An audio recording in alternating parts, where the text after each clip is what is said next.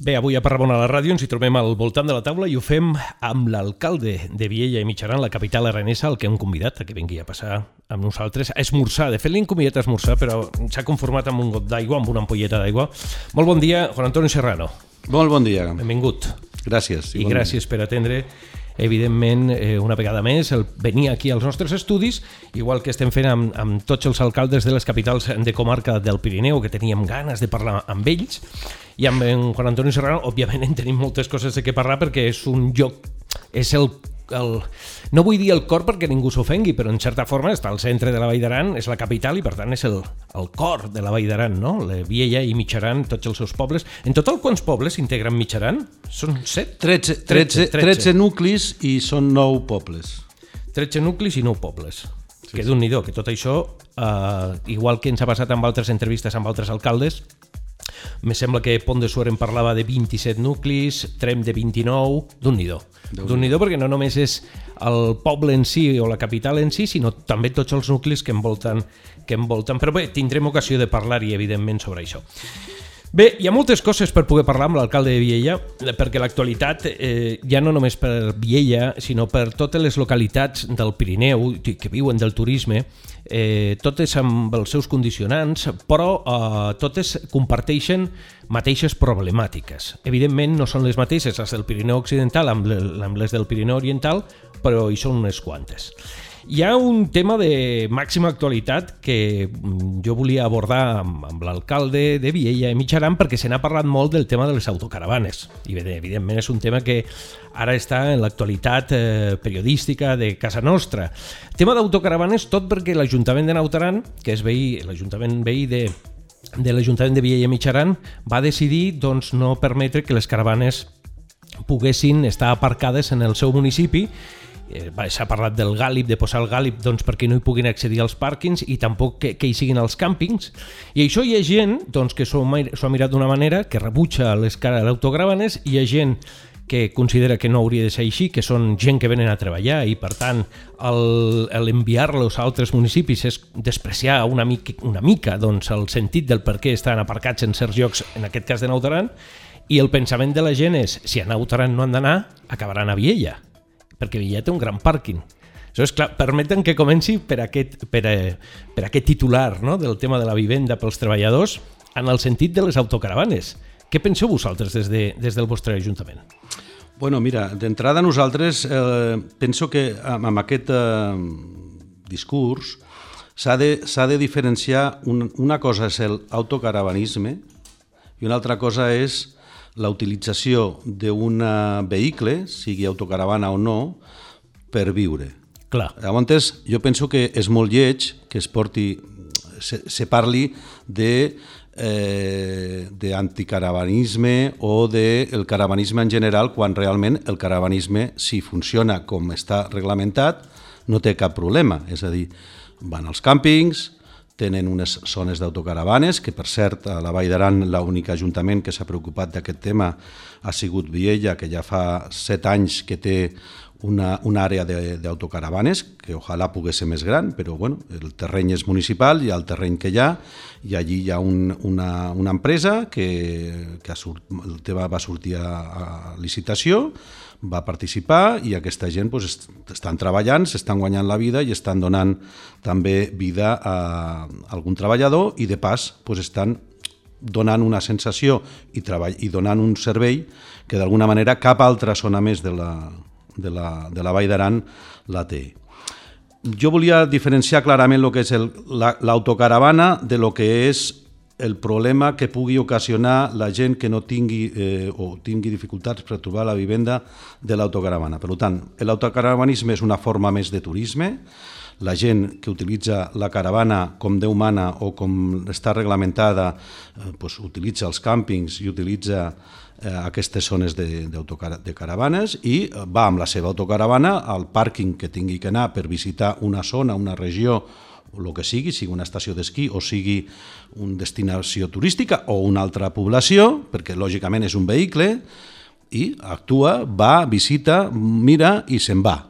I llavors els ajuntaments el que han de fer és d'intentar buscar la manera, que entenc que el Pirineu no és fàcil i, i entre men i menys a la Vall d'Aran per la seva orografia, ha d'intentar buscar alguna fórmula perquè aquestes, eh, aquesta modalitat nova de turisme que, és, que està incrementant-se en els últims anys d'una manera molt important, puguin, puguin eh, visitar les seves localitats i puguin fer la vida que, eh, per una altra banda, és lògica i se fa des de fa, de fa força anys. Una altra cosa és el tema de que eh, gent que utilitza aquesta tipologia de, de vehicle i que eh, s'instal·la en una zona o en un poble o en un aparcament per viure o per eh, utilitzar-lo, perquè no tots els que estan en, en aquesta situació viuen, sinó que l'utilitzen com un apartament de segona residència, que deixen l'autocaravana en un aparcament, van i venen els caps de setmana, perdó, entre setmana, i eh, utilitzen el seu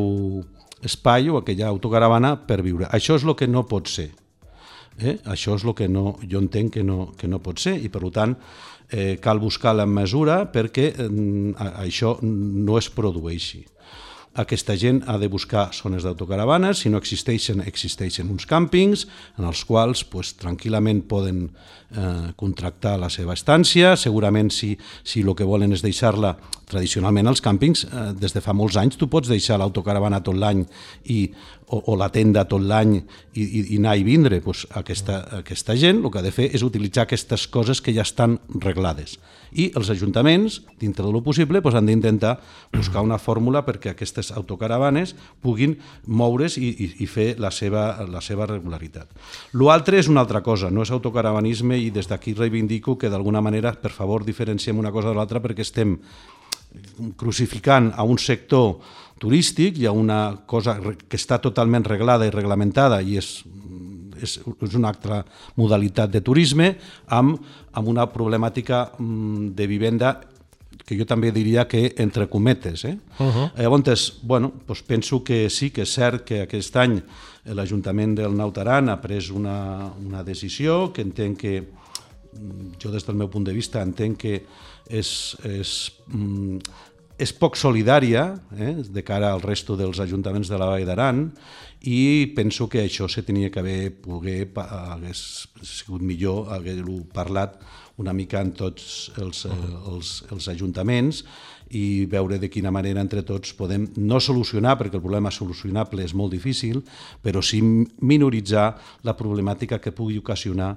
aquesta tipologia, no de turisme, que ja està solucionada, sinó de formes de vivenda o de viure de persones que que tenen una mentalitat o una manera de viure molt determinada que segurament no va d'acord amb la reglamentació que tenen les autocaravanes. Però estem parlant principalment d'allò vinculat de les autocaravanes o de les furgonetes pels treballadors, treballadors que venen, gent que ve a treballar, són temporers, necessiten viure en algun lloc, el tema de la vivenda, que també en parlarem, evidentment està, està tocat, Eh, eh, L'altre dia vaig llegir una nota de premsa del Consell General d'Aran, que és el govern que, que té la Vall d'Aran, eh, que no és un Consell Comarcal, és el Consell General d'Aran, que a més a més és propietari de, una, de la meitat del pàrquing que, per exemple, hi ha a Baqueira, que és on, on, ha, on, on venia principalment la protesta no? de la part de dalt.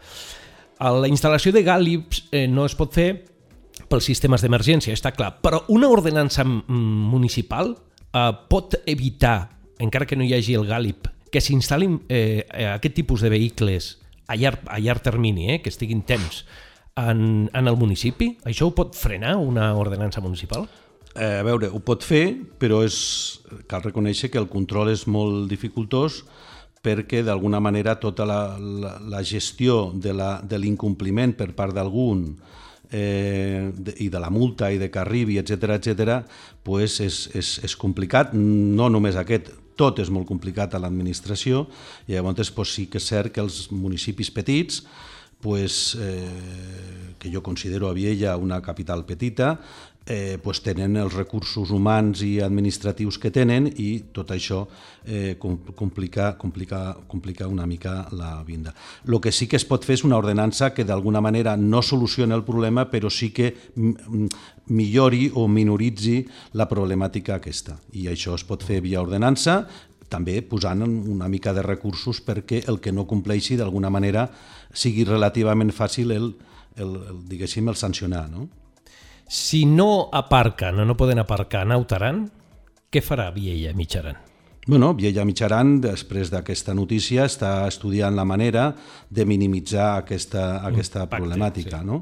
I ho estem treballant, no, no, no, no tenim una solució màgica, però estem treballant perquè d'alguna manera es puguin compatibilitzar els dos usos, però sí, el que està clar és que el que no es pot fer per, per reglamentació i, i tal és que hi hagi, per dir una, um, que, que, que la gent s'instal·li o, o acampi eh, acampi en una zona d'aparcament o no aparcament, amb la qual eh, la solució no és, difícil, és molt difícil, però sí que d'alguna manera estem intentant buscar una fórmula que sigui mm, per minimitzar una mica aquest problema. Després eh, jo penso que, que cal fer una reflexió entre tots els ajuntaments i, i treballar d'alguna manera en veure aquesta problemàtica no del Nautaran, que és una problemàtica genèrica, eh, general. Segurament allí estan més afectats a la temporada d'hivern, però també tenim eh, problemes a Viella durant el resto de, la, de, de les temporades, tant d'estiu com d'hivern. No? El que passa que sí que no és fàcil de solucionar, però jo penso que, que sí, després de tot això que ha esclatat ara, seria bo que tots els ajuntaments d'alguna manera eh, busquéssim una, o intentéssim buscar una fórmula que, que, que ajudés. El, eh, el sistema és molt fàcil, és a dir, la gent que no té vivenda o no troba vivenda, que tots sabem que és dificultosa, que és molt cara, etc. home, no, no es pot escudar amb, amb que és molt difícil trobar vivenda, amb, amb, amb, amb, amb aparcar i acampar a qualsevol puesto, sigui un pàrquing o, o sigui, o sigui una, un carrer això és una excusa molt, molt, molt senzilla i molt, molt, molt poc ètica. molt poc ètica, no? És a dir, hi ha càmpings i segurament, com he dit abans, si algú eh, va a un càmping i, i, i pacta amb el, amb el càmping una estada una mica llarga, d'un mes, dos mesos, tres mesos, quatre mesos, segurament tindrà un, un, una, una utilització eh, que no, no arribarà ni de bon tros al preu de què costa una vivenda. Per tant, Però si, és, és a dir... Si movem les autocaravanes, si movem a, la, a, a, a aquesta gent, els si movem a càmpings per tota la Val d'Aran i a, eh, hem de correspondre amb un servei coherent de transport públic perquè puguin anar als seus llocs de treball, bueno, no? Això és un problema relatiu, perquè sí? nosaltres el que no podem fer és solucionar el problema, quan dic nosaltres parlo de tot de les administracions, eh? sí, sí, sí. el que no, no podem és solucionar el problema eh, concret d'unes unes persones unes necessitats, o sigui, el que no podem fer és una carretera més ampla, el que no podem fer és habilitar eh, aparcaments i menys en una zona orogràfica com la que tenim, amb la qual eh, d'alguna manera es puguin, eh, o sigui, en fi, tot això, pues, escolta'm, quan tu vas a una ciutat i no pots, vamos, jo no he vist gaires autocaravanes per mig de les ciutats, pues la deuen deixar en algun puesto, segurament està organitzat, i d'allí pues, agafen el tren o el metro o el que sigui. És veritat, aquí no, això, no en tenim, no en aquests tenim. serveis no els tenim, però nosaltres no podem estar solucionant la problemàtica d'unes d'unes persones que sí que reconeixem sí, però, que la tenen, però que nosaltres no podem estar... Però la Vall d'Aran gestiona el servei de transport intern no? dels autobusos, no? Això sí, ho fa el govern d'Aran. Sí, sí, sí, clar. Però I aleshores s'hauria bueno, d'augmentar potser... Bueno, bueno pues això una, ja seria una cosa és, és una opció que, com dic, això és un tema a parlar, jo penso, entre tots els ajuntaments i el Consell General d'Aran i veure de quina manera això es pot minimitzar. Per què a la Vall d'Aran sempre passa el mateix? Per què eh, ara, ara tothom el crita al cel que arriba la temporada i quan acaba la temporada tothom campi qui pugui i, i, i, no, i no hi ha manera de dir escolta, hem tingut un problema, per què no el comencem a tractar ara mateix? Per què passa això? Bueno, jo penso que d'alguna manera el Consell General amb això ja ha començat a posar fil a l'agulla, hi ha una taula de la vivenda, perquè tots som conscients, eh, i més venint d'una campanya electoral que fa que, que, que vam tindre eleccions al maig, on es, es, es parlava ja d'aquesta problemàtica eh, de la vivenda, s'està fent una, una taula de la vivenda en la qual participen tots els ajuntaments, que aquí que també voldria recalcar que l'únic ajuntament que no participa és el del Nautaran, en la qual pues, estan intentant buscar fórmules eh, entre tots per veure de millorar aquesta problemàtica. I ara ha sortit o ha esclatat aquesta de, la, de les autocaravanes perquè ha sortit d'una manera unilateral, és a dir, que ara pues, eh, jo suposo que després de tota aquesta problemàtica eh, segurament eh, hi haurà suficients, eh, en fi, hi haurà reunions entre ajuntaments i Consell per intentar també buscar una possible solució amb aquesta, amb aquesta problemàtica. El que passa que eh, quan parlem d'aquesta problemàtica, aquesta l'entenc, que la, que la tinguin que gestionar els ajuntaments, ho entenc perfectament, no?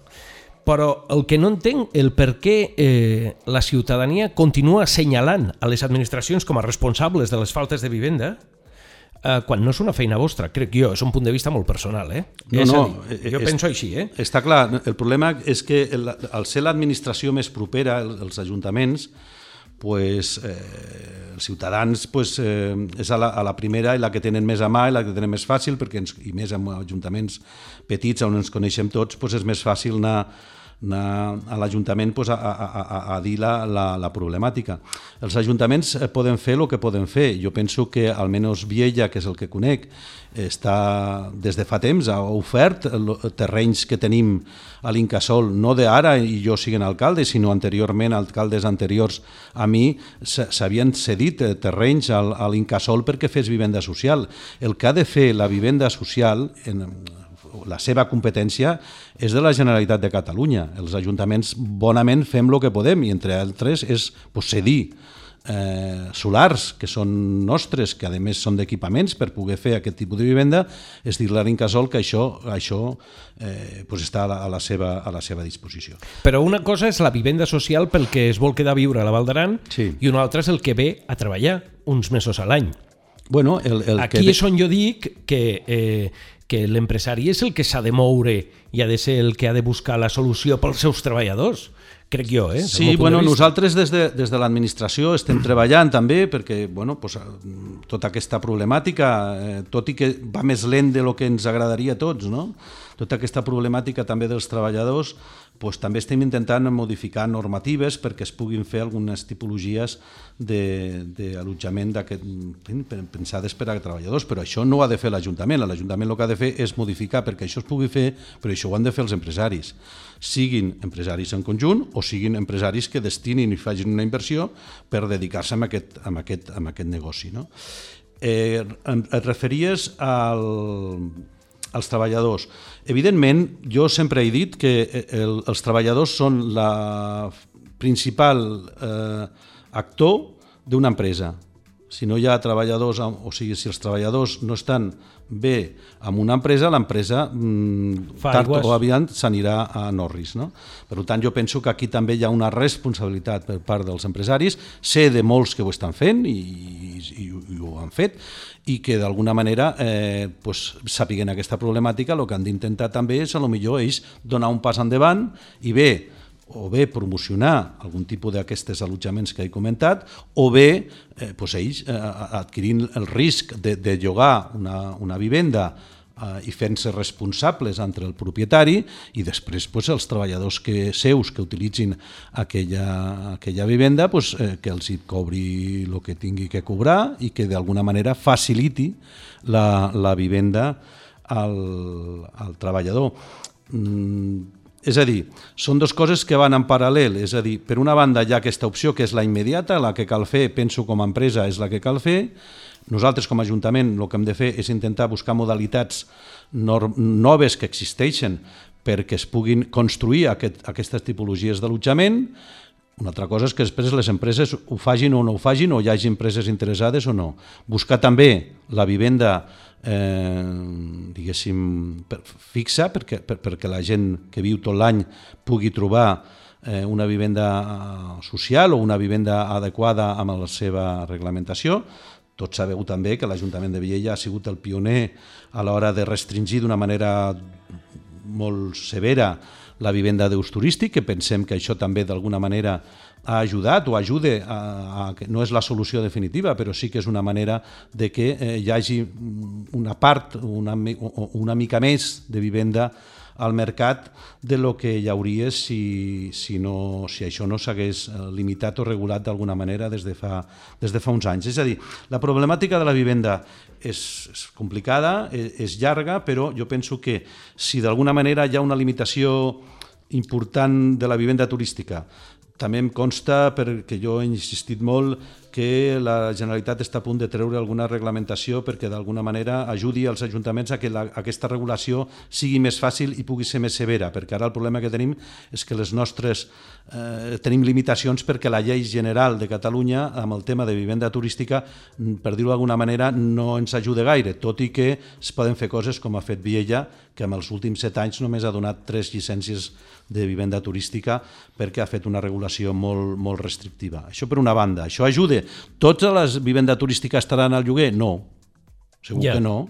Ara, només que hi hagi un percentatge petitíssim d'un 2%, un 1% de persones que tinguin vivenda i que d'alguna manera no la, podin, no la puguin llogar turísticament, això minoraria bastant la problemàtica de, de la vivenda, perquè no ens hem d'oblidar.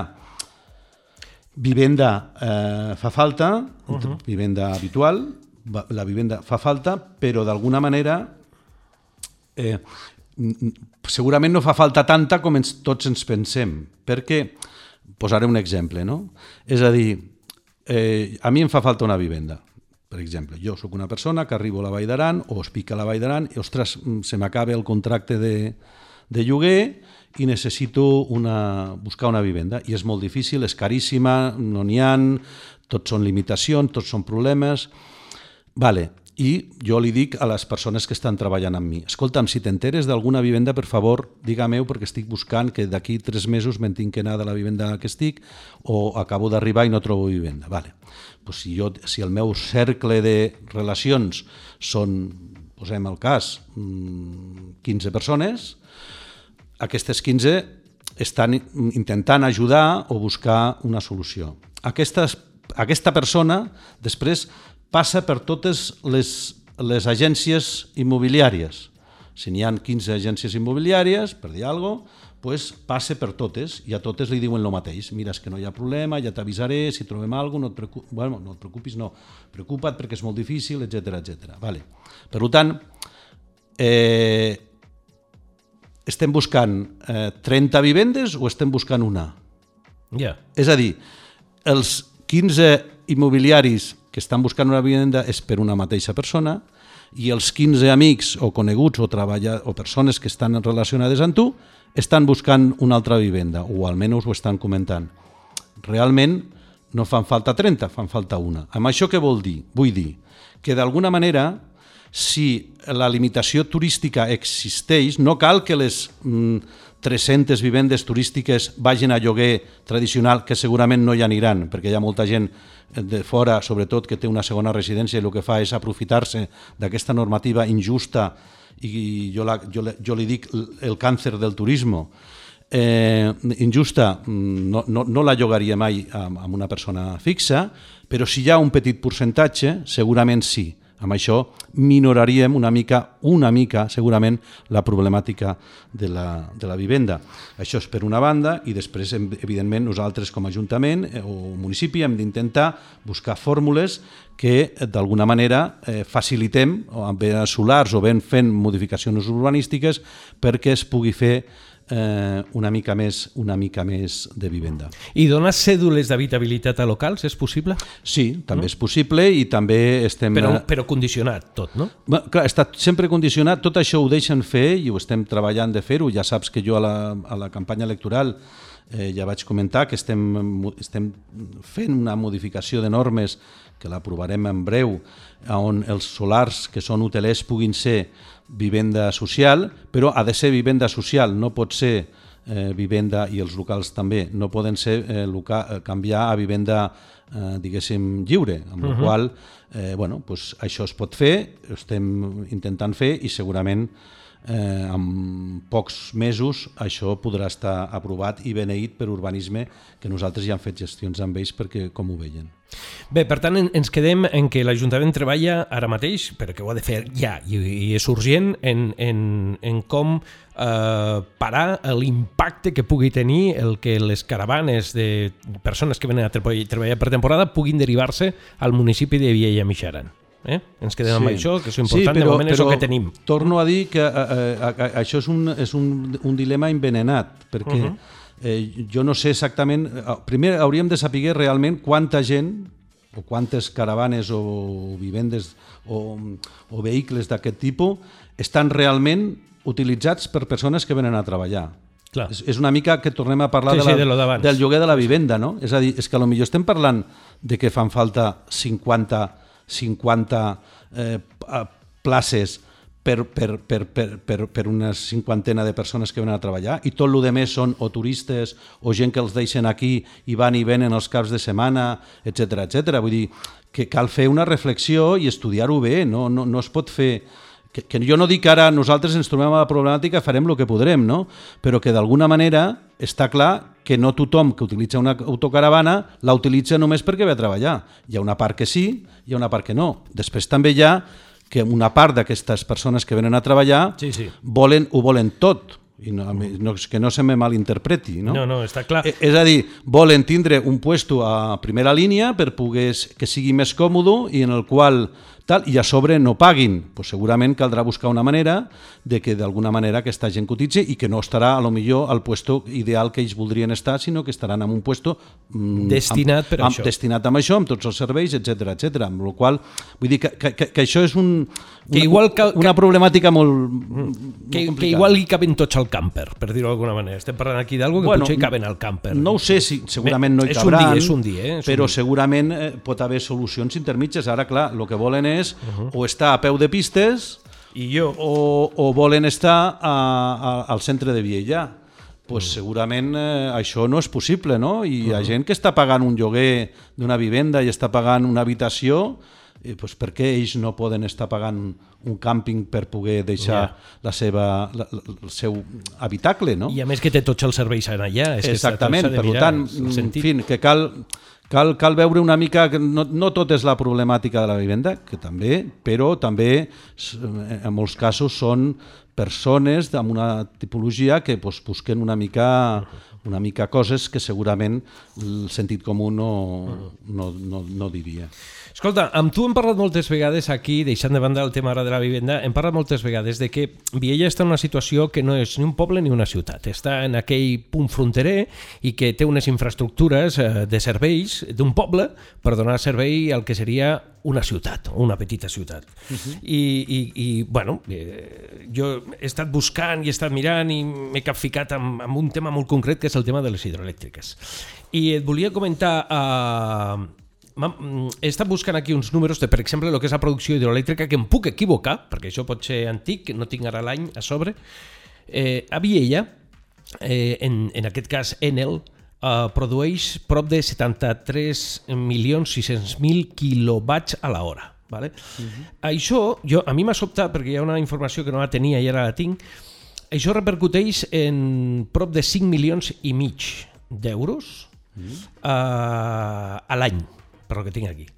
Clar, per una altra banda, he aconseguit, eh, eh, i aquí van dues preguntes, però he aconseguit un document en el que eh, el 13 de desembre de l'any 2018 el Congrés dels Diputats va aprovar, quasi per unanimitat, una moció conseqüència de la interpel·lació urgent relativa a la reversió dels salts hidroelèctrics en línia de la vertebració territorial, l'interès general i la gestió pública i parlava de que almenys, o aconsellava de que almenys un 20% de la facturació eh, recaigués sobre els ajuntaments on, on propietaris en el lloc bé, on estaven eh, doncs, aquestes centrals o salts o aprofitaments hidroelèctrics. No?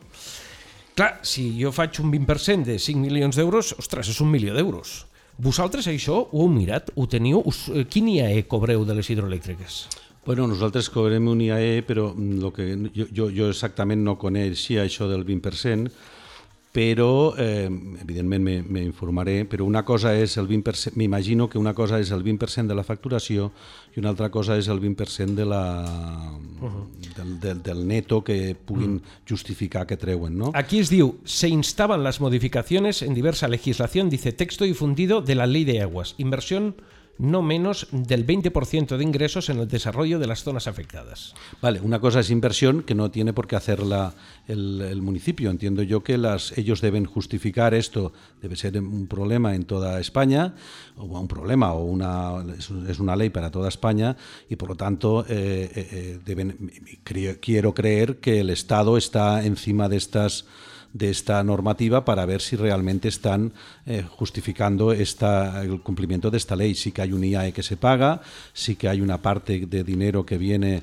mm, ahora exactamente no sé en concreto de, ni la cantidad ni de por qué razón viene, pero hay una cantidad relativamente pequeña que, que, llega a los ayuntamientos, entre ellos el nuestro, pero el 20% hay que valorar, si de, o sea, hay que desmenuzar esa reglamentación para saber lo que pasa. Con lo cual, no estoy defendiendo a las hidroeléctricas, que por mí eh, no, no, tengo ningún problema en que, en que paguen lo máximo posible Está y que claro. colaboren lo máximo sí, sí. posible, pero sí que seguramente quiero entender que en toda España, eh, y seguramente habrá ciudades o poblaciones más grandes con más recursos administrativos, estarán al tanto de que este cumplimiento, incluso los ministerios o de Economía y Hacienda o tal, estarán eh, encima de estas, de estas compañías viendo que realmente estén cumpliendo con esta reglamentación. Perquè a vosaltres us afectaria el que és Viella, el que seria el salt del jueu i després el que ve del, del, pel riu Nere, no? Serien, de fet, són les tres... No, i la central de Viella. I la central de Viella, això em refereixo. La de Viella...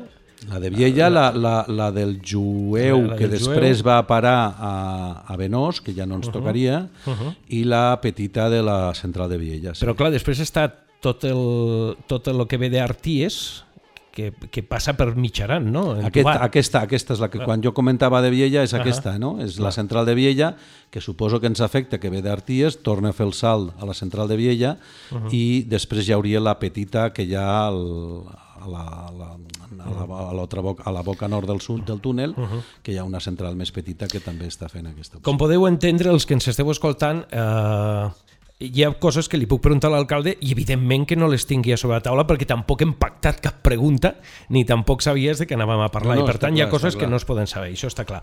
Però tinc, un, tinc informació de que fa un any que està caducada la concessió de Viella amb, amb la companyia hidroelèctrica. Tens informació al respecte? No, la veritat és que no tinc informació.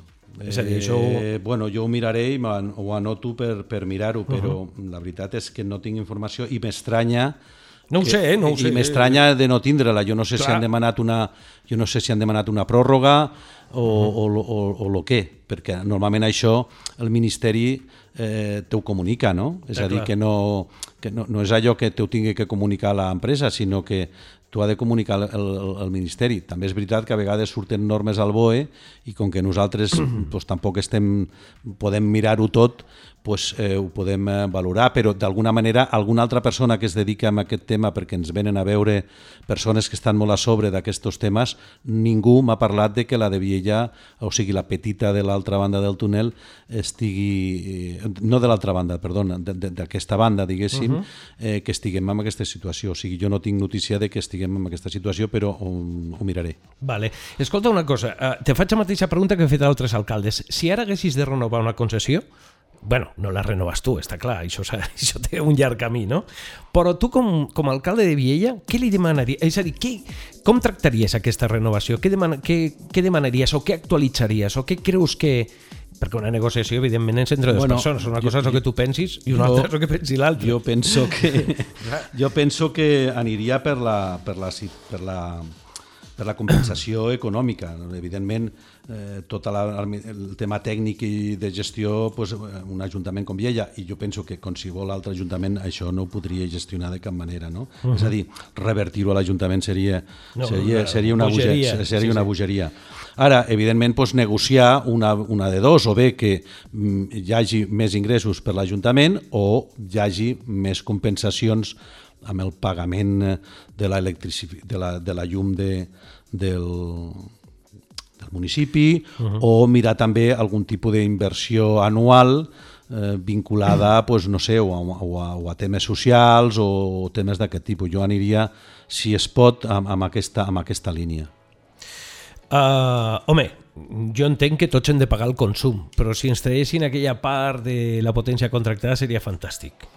Sí, sí, I, que, sí, i que el poble tingués a llum gratis, això sí. Bueno, ja, això hauria de ser és... condició sine qua non. El poble... Bueno, jo, jo, jo ho intentaré, però en fi, segurament és, no és tan fàcil. No, aviam quan toca, perquè ara jo pensava que sí que era així, tu no ho sabem, s'ha de mirar. No, no ho sabem, però bueno, jo m'informaré, però és uh -huh. molt raro que ningú ens hagi vingut a, o a dir-ho o, a, o a buscar una fórmula o, dir, o a avisar-nos, no? Però, en fi, estarem... Saps què passa? Que això ve de contractes tan antics i tan antics que, eh, ostres, sí que tens raó que en aquest cas hauria de ser el Ministeri el que informés a l'Ajuntament, no? De dir, escolta, això està a punt de caducar, s'hauria de renovar. Això seria el que més sentit té, però bueno.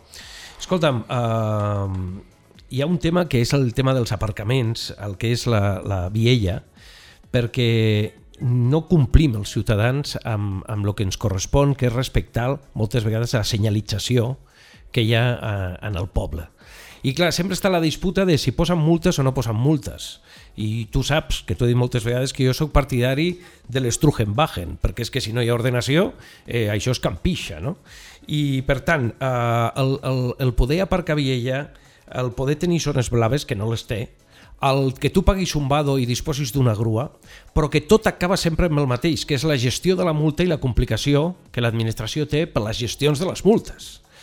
Vosaltres esteu treballant amb, amb una reordenació de, de lo que és els aparcaments, del que és el compliment de les senyals eh, en tot el municipi?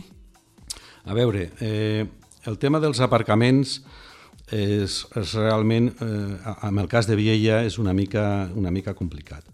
Eh, perquè... Complicat perquè no vol caminar la gent, perquè tenen, bueno, mira que no, tenen no, no, un pàrquing gran, eh? No, sí, sí, però parlo. Per una banda hi ha una, un aparcament molt gran que d'alguna manera està afectat per un pla parcial i d'això d'alguna manera, pues, eh, tot i que el, el 75% del, del, del terreny és municipal, eh, hi ha un pla parcial que marca unes normes que en les quals de moment s'està fent un aparcament, però que eh, està, per dir-ho d'alguna manera, d'una manera una mica provisional, mentre no els militars no puguin vendre aquella parcel·la o fer alguna amb aquella parcel·la que va lligat a que se tingui que realitzar l'ordenació de tot el, de tot el, diguéssim, l'espai aquest. No? M'estàs dient que algun dia no tindrem aquest parc a Viella? No, no, no, buscarem la manera... I no hi haurà un soterrani o no? Bueno, sí, això, sí. això és el que sí que estem treballant d'alguna manera per buscar fórmules que permetin que tinguem, a, que tinguem a, aparcament. O sigui, a cap d'aparcament d'entrada podem estar tots um, tranquils que d'alguna manera eh, penso que, que, que, que, que tenim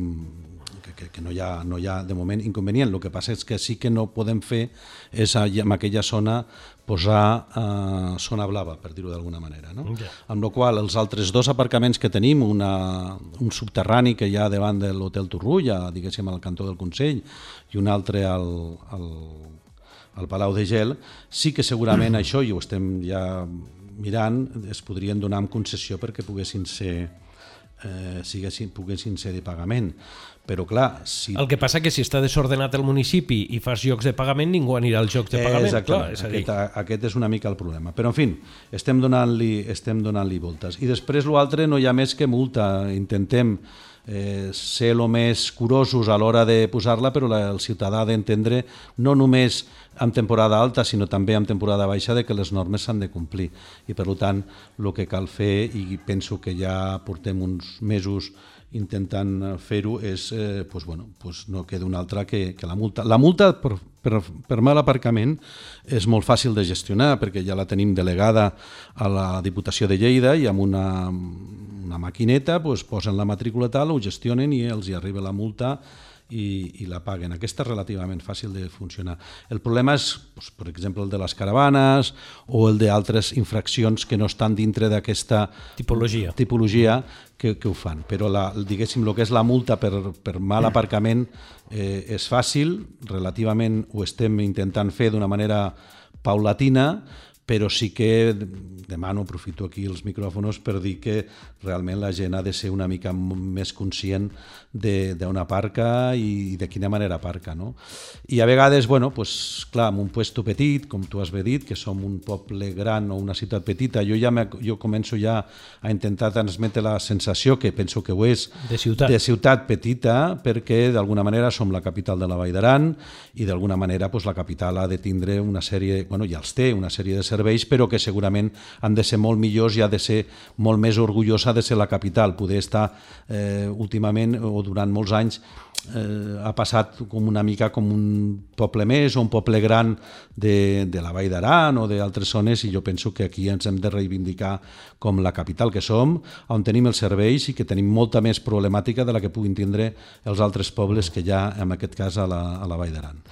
A mi m'agradaria que, que l'audiència entengués eh, que, que l'ordenació és, és una cosa vital en un poble i en una ciutat, però quan ja te transformes una mica més en ciutat, és que és vital. És que, eh, eh, entengueu, jo, jo he vist a vigilants municipals posar multes a Viella i algun cotxe el coneixes i penses, ostres, que greu que em sap, però és que ho posa clarament prohibit aparcar. És a dir, eh, vull dir, eh, jo, jo, jo, jo, jo dono suport a, a aquestes iniciatives d'ordenació. Jo, no sé, crec que perquè em sembla que també algun... Eh, Nautaran també ha parlat de posar zones blaves, veritat? Sí, però amb aquesta... Bueno, exactament no ho conec a fondo perquè com que hi ha hagut tanta problemàtica sí. ja no sé al final si posen zones blaves no, si només cobren per la nit i durant el dia no, si a quins pàrquings sí i a quins pàrquings no. Jo no, mm. exactament no, no ho sé. Mm. Està parlant de posar eh, zona blava Uh, però, però ella ho està fent d'una manera per intentar limitar sí. la, les autocaravanes, no per sí. una gestió de mobilitat genèrica perquè uh -huh. la problemàtica de la Vall d'Aran, ai, perdó, del, del Nautaran, uh -huh. entenc jo, entenc jo que primera que té uns bons aparcaments a, ca, a cada població i segona, entenc jo que clar, l'activitat eh, que té la ciutat de Viella no la té el Nautaran, amb la qual hem de pensar que a partir del mes d'abril al Nautaran fins al mes de desembre pues bueno, mm, no, en fi, no mm. crec que tingui gaires problemes de, de, de mobilitat i per tant, inclús a l'hivern uns problemes, diguéssim, relatius. A Viella és tot l'any una, una activitat frenètica i d'això reivindico bueno, pues que d'alguna manera estem orgullosos de, de ser la capital i de, i de poder oferir tots aquests serveis, però que d'alguna manera eh, representen també un, un, uh, un sobrecost eh, afegit a la, a la gestió municipal. Per això deia que Eh, aquest canvi de mentalitat de poble a ciutat va, filosòficament va, va, va molt més ampliada a lo que, a lo que entenem com a, com a simplement un tema d'aparcament o de mobilitat. Però hi haurà zona blava a Viella o no? pues dia? la veritat és que en aquest moment no t'ho puc dir. No ho sabeu. Esteu treballant Estem amb això? treballant, sí. Vale. Eh, ostres, situació econòmica, com tenim els números de l'Ajuntament? Me li faig la mateixa pregunta eh, a tots els alcaldes eh, estan en bones condicions, saludables? A veure... El, el... O, o hem d'acabar parlant una altra vegada del Palai de Geu? Bueno, no, a veure, jo penso Perquè que... ja s'ha arreglat bastant, no?, el Palai de Geu, no? S'ha anat arreglant sí, bastant, no? però evidentment és una infraestructura que ja té molts anys i que d'alguna manera li fa falta una inversió, una inversió important a la qual eh, el municipi de Viella no pot, eh, no pot, no pot, no pot assumir en, en solitari. No?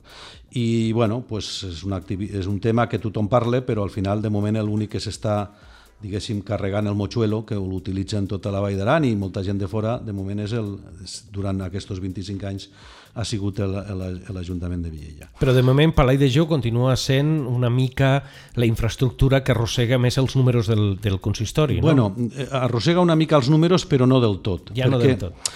Eh, jo Però penso... Abans sí que era així, ara ja no. Bueno, és, és la lectura fàcil, no? És a dir, jo penso que, bueno, pues que d'alguna manera hem de començar a ser conscients de la realitat. Si volem ser una ciutat, que penso que ja ho som, l'únic que li hem de donar fórmula, forma, pues segurament hi ha una sèrie de serveis que d'alguna manera eh, serveix o no serveis que s'han de, de pagar. No? I amb la qual doncs per això dius, quan me demanes com està la situació econòmica de l'Ajuntament, la, està molt bé. Tenim, és l'única capital de comarca que no té deute, des Carai. de fa 8 anys, és l'única capital de comarca que durant 8 anys no ha pujat els impostos. Sí que és cert que aquest any, eh, o sigui l'any 24, hem aprovat unes ordenances que, que hi haurà un increment, una, un increment d'impostos, però el problema és que no estan mm, compensats els ingressos uh -huh. amb els gastos genèrics. És a dir, no, no, ja no parlo genèrics del Palau de Gel només, sinó de lo que necessita aquest Ajuntament. ¿vale?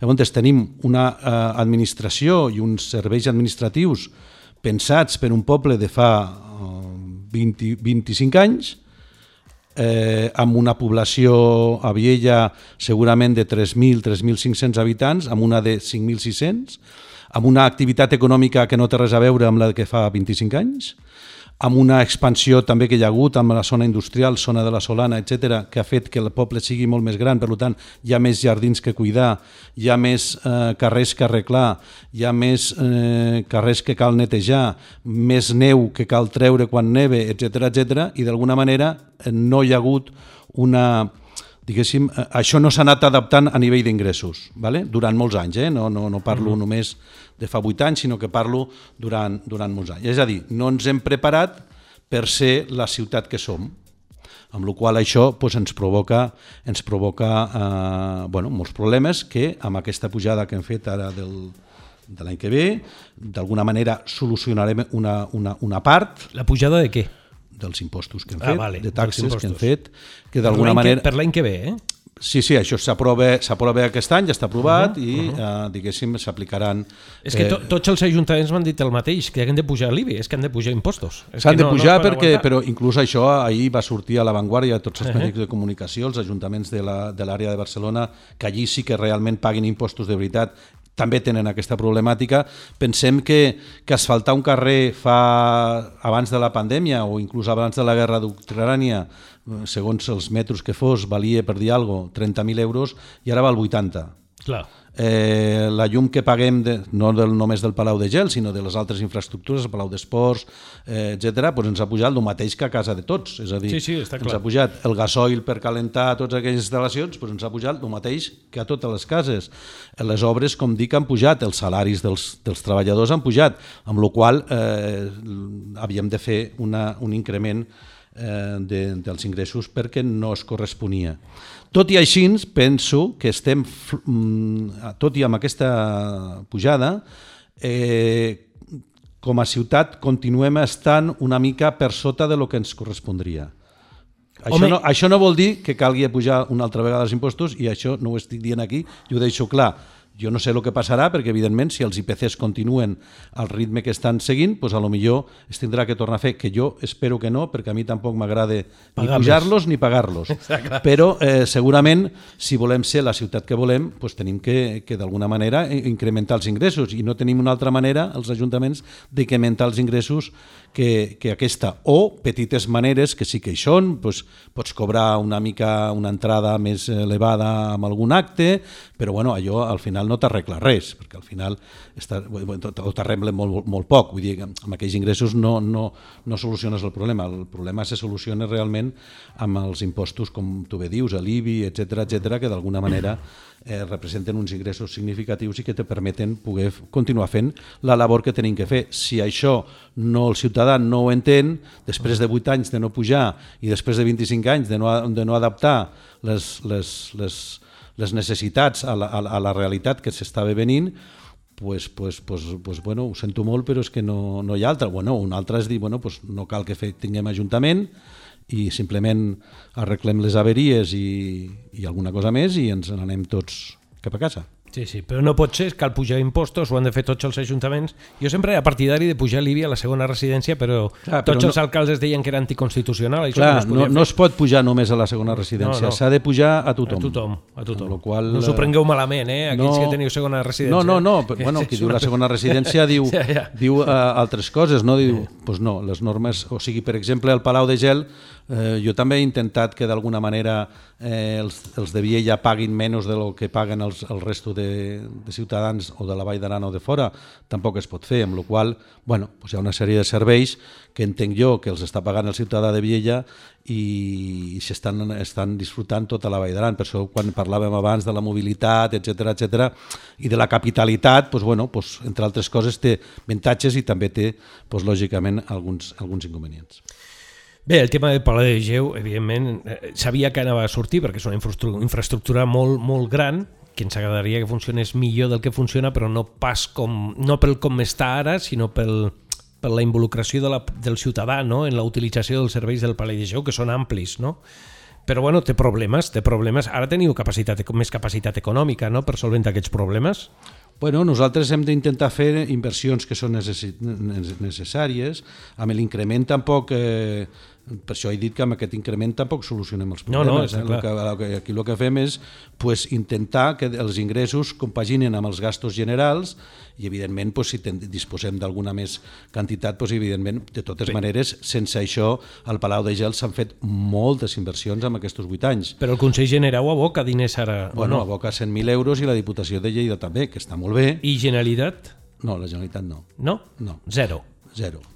I de totes maneres, eh, bueno, pues això és d'agrair i, i agraeixo I a les dues institucions aquestes aportacions, eh, però d'entrada ja, per desgràcia, amb els increments de preus que hi ha hagut de tota és un, la... És una tirita. De, de la, de, no, no, ni, ni siquiera una tirita. És, yeah.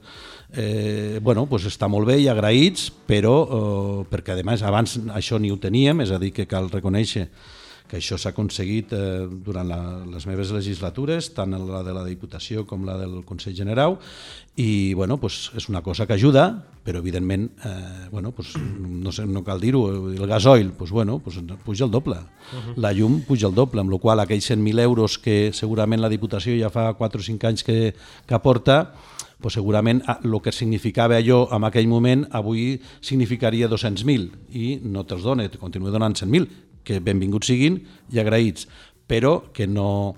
Vull dir, la problemàtica del Palajejol és molt més complicada que no el, el, el, el, el fet de, de, bueno, d'aquestes aportacions que, que estan molt bé. Segurament la gestió es pot millorar, però també hem de tindre en compte que no es, la gent compara el Palau de Geu amb una infraestructura privada, o sigui, estan comparant amb, amb gimnasos, eh, piscines, etc etc d'altres puestos, alguns públics, uns altres privats, però que d'alguna manera la gestió administrativa no és tan complicada com quan se gestiona des de, des de l'Ajuntament, perquè tot, bueno, al final ha de passar pel mateix eh, ritme de, de, de contractació que passa qualsevol obra o qualsevol acció que faci l'Ajuntament.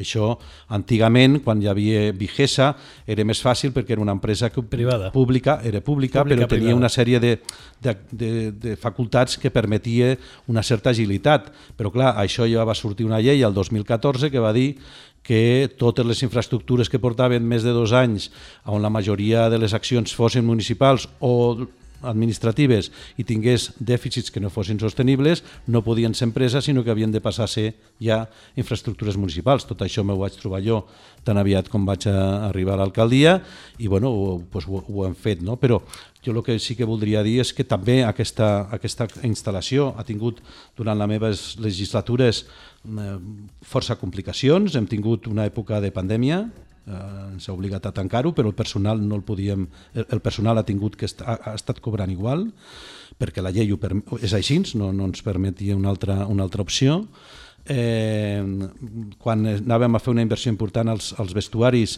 eh, abans de fer res vam fer, demanar una auditoria de com estava l'edifici, ens diuen que, bueno, que hi havia risc de que caigués perquè durant 25 anys no s'havia fet una gestió acurada i hi havia moltes zones humides i no humides que havien malmès l'estructura metàl·lica amb la qual tenim que tancar també la instal·lació, hem d'invertir aquells diners que teníem previstos, que eren uns 700.000 euros, per arreglar vestuaris, etc doncs perquè l'edifici compligués les normatives de seguretat, eh, se'ns va trencar definitivament una, la pista de gel, vam tindre que... Eh, és a dir, clar, és que es parla del pala de gel però ningú se'n recorda que amb 6 anys o 7 eh, hem tingut un, una sèrie de, de problemàtiques molt greus i que a part de problemàtiques això ha costat molts diners però, però, la molts, gent, però molts, molts, estic parlant de més d'un milió i mig d'euros. Però la gent utilitza el Palai de Geu? Sí. Sí, doncs sí. ja està, està justificat, no? Sí, però que a vegades les crítiques de ah, bueno, es que clar. me gustaría que estuviera abierto los domingos, es que claro. no sé què, bueno, pues segurament eh, tot se podria millorar, però això vol dir ficar eh, un, més recursos i, i, i ja està. Però el que vull dir és que el Palau de Gel, amb les meves legislatures, ha sigut... Eh, abans era un problema de, de, de que no arribaven els ingressos o que hi havia un dèficit. Ara és, a part del dèficit, hem tingut que invertir, i estem invertint encara, perquè invertirem aquest any també amb la deshumificació de la piscina, etc etc, eh, més d'un milió i mig o dos milions d'euros al, al llarg de set anys, amb la qual eh, en fi, mm, tenim un pressupost de, de 6 milions d'euros a l'Ajuntament de Viella. Si en 7 anys hem invertit 2 milions, eh, bueno, pues penso que, que ens agradaria que, bueno, pues que d'alguna manera tinguéssim més, més ajudes, eh, ja no ajudes, sinó de gestió. Vull dir que jo penso que ens ho hem de creure tots una mica, i a part de, de, que jo penso que hi ha molta gent que s'ho creu, eh? bueno, és l'única pista de gel que hi ha a la província de Lleida, és l'única, ara en aquests moments només hi ha dos pistes de gel a, a tota Catalunya, que són la de la Cerdanya i la de la Vall d'Aran, etc etc. no? I amb la qual pues, bueno, tenim una piscina que gràcies a aquesta piscina tots els nens de la Vall d'Aran poden aprendre a nedar eh, durant tot l'any, quan, uh mhm. -huh. quan si no hi, hi sigués doncs no es podria fer. És a dir, que tenim bons serveis, hauríem d'estar contents de lo que tenim i valorar realment l'esforç que està fent, en aquest cas, l'Ajuntament de Viella, per, eh, per mantenir aquesta infraestructura oberta, perquè realment és un... Si, si unéssim a mirar des del punt de vista econòmic, aquesta instal·lació faria temps que tindria que estar tancada. Ja. Yeah. No, bueno, això ho hem parlat moltes vegades, però bueno, és una infraestructura que manteniu i que potser s'encareix, perquè si realment ens acaben posant comptadors també a la Vall d'Aran per l'aigua, entre la piscina i el gel us sortirà de tot un pan, perquè jo això he parlat amb altres alcaldes de que vam entrevistar aquí a la ràdio a la directora de, de la Hisenda de l'ACA i parlàvem de la factura que ens arriba. Ens han arribat, per exemple, a Vall d'Aran 127 euros d'aigua, eh, per l'Ajuntament són 27 100 queden per l'ACA. No sé ara com sí, està la proporció. Sí, sí, és possible. Però com pot ser que els alcaldes del Pirineu, que el Pirineu, gràcies a Déu, és el lloc on més aigua en tenim, com pot ser que no eh, aneu contra l'ACA, a lluitar contra això? És a dir, això hauria de ser al revés. Jo te dono 27 euros a tu i em quedo sent a jo, que sóc el que faig el servei al poble. Com és que no hi ha unió per lluitar contra això? Bueno, perquè hi ha una sèrie de competències que corresponen a cada un. O sigui, el que l'ACA t'està cobrant no eh. és no és l'aigua, què no és, és l'autorització de l'aigua. T'està cobrant totes les, les, les depuradores que estan depurant totes les aigües brutes uh -huh. que es fan a la... A, bueno, en aquest a, cas a la Vall d'Aran. Bueno, no, a la Vall d'Aran no, perquè tots, molts municipis també tenen petites depuradores. La de Viella és gran i la del Nautaran també, però... Aleshores, quines Al final, l'ACA el que està cobrant és una gestió de l'aigua que no és l'aigua com a tal. Però no és la nostra aigua, és pels de fora. No. No? Està, està, els 100 euros està abocant, que... està abocant una, sí? sèrie, una inversió sí? i una sèrie de persones que estan treballant allí que d'alguna manera reben totes les aigües brutes que les netegen i les aboquen al riu. I les de la Vall d'Aran també? Les reben? Claro, per això hi ha aquestes depuradores. És a dir, les depuradores són les de l'ACA. Exactament, les és depuradores dir... són de l'ACA. No vol dir que tota la facturació de l'ACA vagi allí, però la més important va allí. Amb però qual... està justificat, que aquests 100 euros vagin a l'ACA està justificat. Bueno, des del punt de vista seu segurament sí, i segurament tampoc està calcu... ells quan fan els paràmetres els fan de tota Catalunya. Segurament uh -huh. no estan eh, mirant depuradora per depuradora, Uh -huh. M'explico? Eh, sinó que dintre de...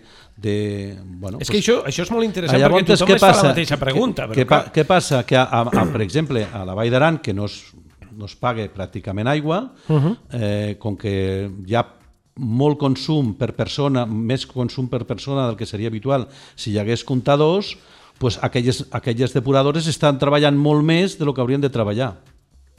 Yeah. Amb la qual lògicament, la, ells també diuen, escolta'm, cada tres anys ho pugen.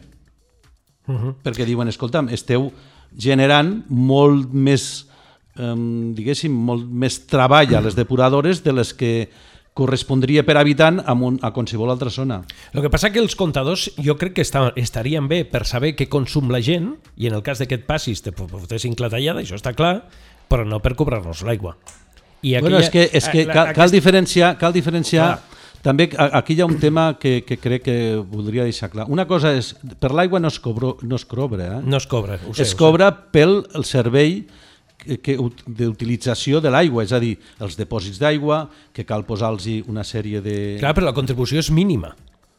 Com la contribució? És a dir, i, i, eh, la factura de l'aigua, que no es paga l'aigua, que quedi clar, el que percep l'Ajuntament és mínim d'aquella factura. No, no, l'Ajuntament té capacitat, o sigui, aquella factura és la proporció que ha volgut cada Ajuntament. L'ACA cobrarà el que cobrarà, el que passa que ve amb el mateix rebut, uh -huh. hi ha una part de l'ACA i una part de l'Ajuntament. L'Ajuntament podria cobrar molt més de lo que, de lo que cobra per, per, pel servei que dona a la ciutadania uh -huh. de que tu puguis tindre clar, la xeta a casa teva amb aigua. Clar, però no ho fa l'Ajuntament perquè bueno, el ciutadà no pensi... Fa, intenta, intenta clar, eh, fer sobreviure. Lo, sobreviure amb, amb poca d'això pues, perquè bueno, políticament i la ciutadania mm, pues no, no, no li agrada com a ningú pagar, eh, pagar i amb la qual pues, estem amb la mateixa situació que ho deia anteriorment, no? és a dir, hem de ser una petita ciutat, el qual vol dir que el resto de les ciutats Eh, no vull dir amb això que jo vagi a posar comptadors. Eh, que no, no, ja, ja, ja. ja. No, no, bueno, això, fa... això manarà el govern de la Generalitat, en no, tot cas. No, no,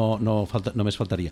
Però sí que és cert que estem fent un mal aprofitament del recurs de l'aigua i no s'està cobrant l'aigua.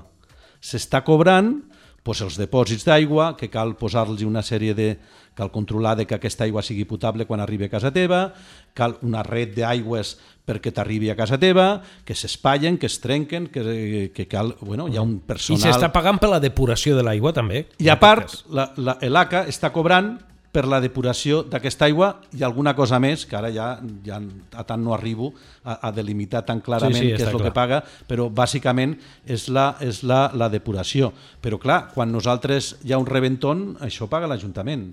Eh, el personal que va visitant els 13 depòsits que tenim. Sigui la de l'època que sigui han d'anar cada setmana a, a mirar, tenim uns, una, cal fer inversions, hi ha una sèrie d'aparells amb aquells depòsits que te marquen si realment allò està funcionant o no està funcionant.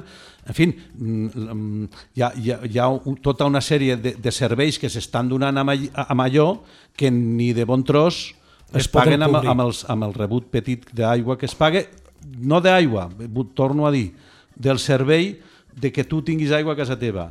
L'aigua no, no, no es cobra. Llavors hi una mala interpretació de dir no, no, és que m'estan cobrant l'aigua. No, estan cobrant, evidentemente, a través de tu, de tu consumo, el, el, todo el servicio que te está prestando para el agua. Y después el ACA está cobrando toda la parte de depuración que, que está haciendo. Ostres, podríem estar aquí hores i hores parlant i el temps sense acabar, però és que tinc tantes coses encara que, bueno, un altre que dia, un altre dia. No Vols, estàs cansat ja o no? No, cansat no, el que passa és que només paren d'enviar-me coses per WhatsApp i... Ja, ja, ja. Bueno, i, això és no, i has de contestar. Bueno, contestar ho, he, ho he d'anar ja Escolta, cap allà. Sí. Per permetem una, una cosa. Uh, és que hi ha, hi ha temes molt, molt importants, sí, que els aparto, els aparto, però Uh, la Nacional 230 és un tema que està molt a sobre de la taula mm -hmm. i, i clar, jo permetem, eh, però ten, ara mateix tenim un diputat al Congrés, l'Amador Marquès sí. tenim eh, el que fou síndic de la Vall d'Aran, Paco Boia que està sí. al repte demogràfic sí. i et tenim a tu com a vicepresident de la Diputació sí.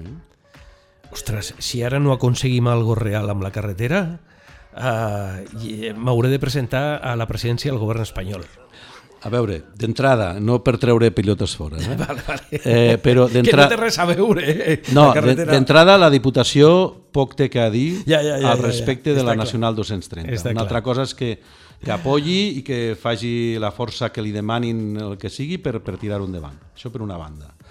Segona, eh, puc dir que des de l'Amador Marquès és diputat des de fa quatre mesos, però no sabem si hi haurà govern o no hi haurà govern. Però li hem ficat deures a l'Amador, al diputat. Bueno, pues ja que està sàpigues, bé. Li hem dit, no, i ho vull dir públicament, li hem demanat al, al diputat eh, Amador Marquès que lluiti a Madrid que quan es produeixi, i espero que no es produeixi cap, però quan es produeix un accident a la Nacional 230, que no es tingui en compte si és Aragó o Catalunya que no s'hagi d'esperar no, no, a un costat clar. a l'altre. S'ha d'actuar al moment que ja s'actua, vale? però amb més contundència. Aquests són els deures vale, que li hem pues posat. Jo penso que són uns bons deures per l'Amador. Bueno, digue, digues, I després eh, he de dir que eh, el, el, el, el Paco Bollà durant aquests tres anys eh, que ha estat a, a, a, bueno, i està a, a la vicepresidència, no, a, a, a, la secretaria, secretaria.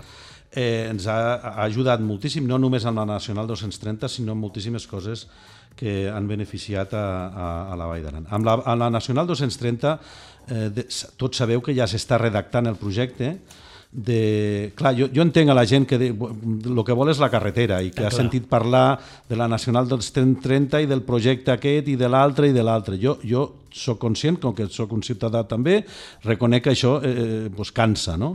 Però realment ara sí que podem dir que el projecte fins a la boca, a la boca nord eh, s'està redactant ja, és a dir, els diners ja hi són i, la, i ja s'està treballant i està licitat perquè això és, és, perquè si no tens el projecte, evidentment no poden licitar les obres. Eh, És a dir, que de tot això que s'ha estat parlant durant tants anys, fins ara no hi havia projecte. Es parlava. I ara hi ha projecte. Ara s'està fent el projecte, ¿vale? amb la qual cosa mm, bueno, va, a mi m'agradaria que la carretera la comencessin demà, però eh, els plaços són els que són. I després eh, també s'estava preparant la licitació per fer el projecte de la Boca Sur fins a la frontera francesa. Aquest va una mica més, en, una mica més en, De la boca sud a la frontera francesa? Perdó, de la Boca Nord, perdó, Ah, vale, de la Boca Nord a la, a la, frontera. o sigui, la part de la Vall d'Aran, per dir-ho La part de la Vall d'Aran. Però passaran pilones per sobre de Viella o no? Bueno, jo espero que no. No, no, no, jo, jo, jo espero que no. Esperem però, que no, per favor. Però el que sí que també demanaria una mica a la ciutadania, uh -huh. i tant a, en aquest cas al govern d'Aragó com el de Catalunya, que per fi s'han posat una mica d'acord i per això aquest projecte eh, que s'està elaborant ja, ja va en marxa, perquè al final s'ha arribat, penso jo, amb un acord entre la part aragonesa i la part eh, catalana, que per una altra banda la part catalana és molt petita, és a partir de Pont de Suert, vull dir que, no, que és molt petita, però bueno, al final això ha fet que d'alguna manera aquesta correlació i bona relació entre, eh, en aquest cas, Aragó i la província de Osca, amb, amb, especialment amb la petita part mm, de Catalunya i de, i de, la, de la província de Lleida que d'alguna manera s'hagués pogut, eh, en fi, s'hagi pogut eh, desenvolupar. Per tant, la feina mm, cal reconèixer que està feta, que ens agrada, bueno, s'està començant a fer, que a tots ens agradaria que estigués feta, però el que sí que hi ha és una cosa, cada vegada que presenten un projecte, si hi ha al·legacions, eh, penseu una cosa, Espanya és molt gran i té els diners que té. I quan fa un projecte que proposa o un projecte o un anteprojecte, que és el que presentaven fins ara. Eh, proposa una cosa, si la ciutadania o, la, o el territori comença a posar traves, agafen els diners i ho fiquen a Valladolid. Uh -huh. vale? Això vull dir també que d'alguna manera eh, no, no, no, no, No vull dir que, frene- no no, no vull dir que calgui donar man, màniga lliure a que es faci el que Vulguin, no, sí. lo que vulguin i que el territori eh, assumeixi, sinó que d'alguna manera hem de pensar una cosa, que quan venen eh, cal eh, intentar sentar-se en una taula i buscar eh, fórmules que permetin que allò, que allò es pugui fer. Perquè ja us dic, fins ara el projecte no, no hi era, s'havien fet abans projectes que alguns s'anaven presentant, la província d'Osca deia una cosa, eh, la província de Lleida deia una altra, el poble de- de- d'Osca deia una cosa, el poble de Viella deia una altra, amb la qual Mm, bueno, pues ha passat tot això. Portem 25 anys parlant de la, de, de la, de la carretera nacional 230 i no, no, no s'ha fet. Ara imagineu-vos el dia que, per exemple, anaven a fer el túnel de Viella, si l'Ajuntament de Viella en el seu moment pues, hagués pues, un contenciós administratiu perquè li semblava malament eh, una de les parts del projecte. Pues bueno, 8 Pues- anys més. Pues, pues haguéssim estat 8 anys més perquè els contenciosos administratius són llargs, perquè la justícia en, en aquest país va com va. És a dir, això no vol dir que tinguem que deixar mm, fet tot el que sigui, però sí que ser una mica més curosos i més proactius, perquè el Departament del Fomento ho té molt fàcil, eh? Vull dir, los no sé cuántos eh, miles de millones que va a ir para esta carretera, eh, hay problemas en el territorio, sí, no sé qué, no sé qué, escucha, me voy a Valladolid o me voy a Cuenca o me voy a no sé dónde, que, que, también, que también hacen falta carreteres, vull dir que, que això és important. Eh? Bueno, no te trec més temps, però perquè tot el que me queda ho guardo per un altre dia. Però no m'agradaria que marxessis sense fer alguna menció cap a les pedanies, perquè sempre, eh, com que són pedanies, i les pedanies són tan importants com el propi Viella. I per tant, eh, sí que m'agradaria que eh, comentessis així una mica per sobre amb el compromís que en la propera entrevista començarem amb les pedanies. Però sí una mica per sobre eh, hi ha previstes inversions eh, per les pedanies més destacades en aquesta legislatura? A veure, eh, aquesta Una pinzellada, eh, que en parlarem en una altra ocasió. No, no, eh? no, a veure, no, no, seré molt, molt, molt, uh -huh. molt clar. És a dir, les, les pedanies tenen eh, una sèrie de d'obligacions com a pedanies a gestionar doncs, els seus boscos, a gestionar les seves pistes forestals, a gestionar els seus carrers, el, o sigui, qui decideix si es fa un carrer o una plaça en una pedania no és el- l'alcalde de Viella, eh? Uh -huh. ho decideix la pròpia pedania. Clar. Si decideix qui, que si es fa una tala al seu bosc, és la pròpia pedania i els diners d'aquella tala van a la pedania. És a dir, les pedanies tenen una, eh, una, una, unes obligacions. És cert, és cert que les pedanies, com tot, com he dit a Viella, estan molt poc ben dotades i a conseqüència, ja puc avançar aquí, ja ho he comentat públicament, a conseqüència d'aquesta um, pujada d'impostos i aquesta millora d'ingressos pel municipi de Viella Mitjaran, les pedanies tindran mm, bastants més recursos dels que l'Ajuntament le aboca, perquè ells tenen també les seves possibilitats. Ells poden demanar i demanen subvencions. O sigui, les subvencions de les diputacions o de la Generalitat per fer eh, carrers o per millorar les aigües o per millorar, també les tenen les pedanies. Uh -huh. vale? I sempre havia, i almenys mentre jo he sigut alcalde, i segons me costa mm, abans també, sempre havia, en el cas de que tinguin que fer una inversió molt important i no puguin arribar, pues, eh, Viella, si pot, evidentment els col·labora. No cal dir més, la carretera d'accés a, la, a Gaussac, allí hi havia una part que va posar la pedania, que si no recordo malament estan al voltant de, de 200.000 euros, eh, i Viella va aportar 180.000. Vale? A Vilac, el mateix, els dipòsits d'aigua d'Arròs i Vila els ha fet Viella, que feia 50 anys que no se feien un dipòsit nou. El dipòsit de Viella, bueno, el de Viella ja s'ha fet, però... És a dir, i després les pedanies a vegades tenen aquesta sensació que la, puc, la, la, la reconec, eh? no, no, no estic... Eh, no reconeixen aquesta, aquesta sensació, però és que la guarderia és del municipi, eh? no és només de Viella. Clar. I això, el manteniment d'aquella guarderia i del Palau de Geu i de la, totes les funcions administratives i els arquitectes que treballen per fer les obres a l'Ajuntament i la brigada i tot això, aquesta gent són de tot el municipi, no només de Viella. Llavors, tenen aquesta, diguéssim... Que si no estan a casa seva les que, coses que no, no, són ho, veuen, seves. ho veuen com, ostres, que Viella ja Clar. es fa tot i ja, bueno, que estan infradotades, sí. Que l'Ajuntament de Viella està ben infradotat, també. Que s'ha millorat amb aquesta pujada d'ingressos, també. I que les, les eh, pedanies tindran una partida més important perquè, perquè puguin fer coses, també. I després les coses ja que són internes, les subvencions que ja, i a més ho, ho estan fent, vull dir, demanen puos, demanen accions, totes fan coses i aquestes coses no són del municipi. E- És a dir, el municipi els hi fa els planos, els projectes, els arquitectes, la tramitació, perquè, perquè és així, ells no tenen infraestructura, però ho demana, ho, ho signa la pedania, rep els diners la pedania i, fa, i licita l'obra a la pedania. O sigui, la- l'obra de Gaussac, d'aquell accés, uh -huh. l'ha licitat la pedania de Gaussac.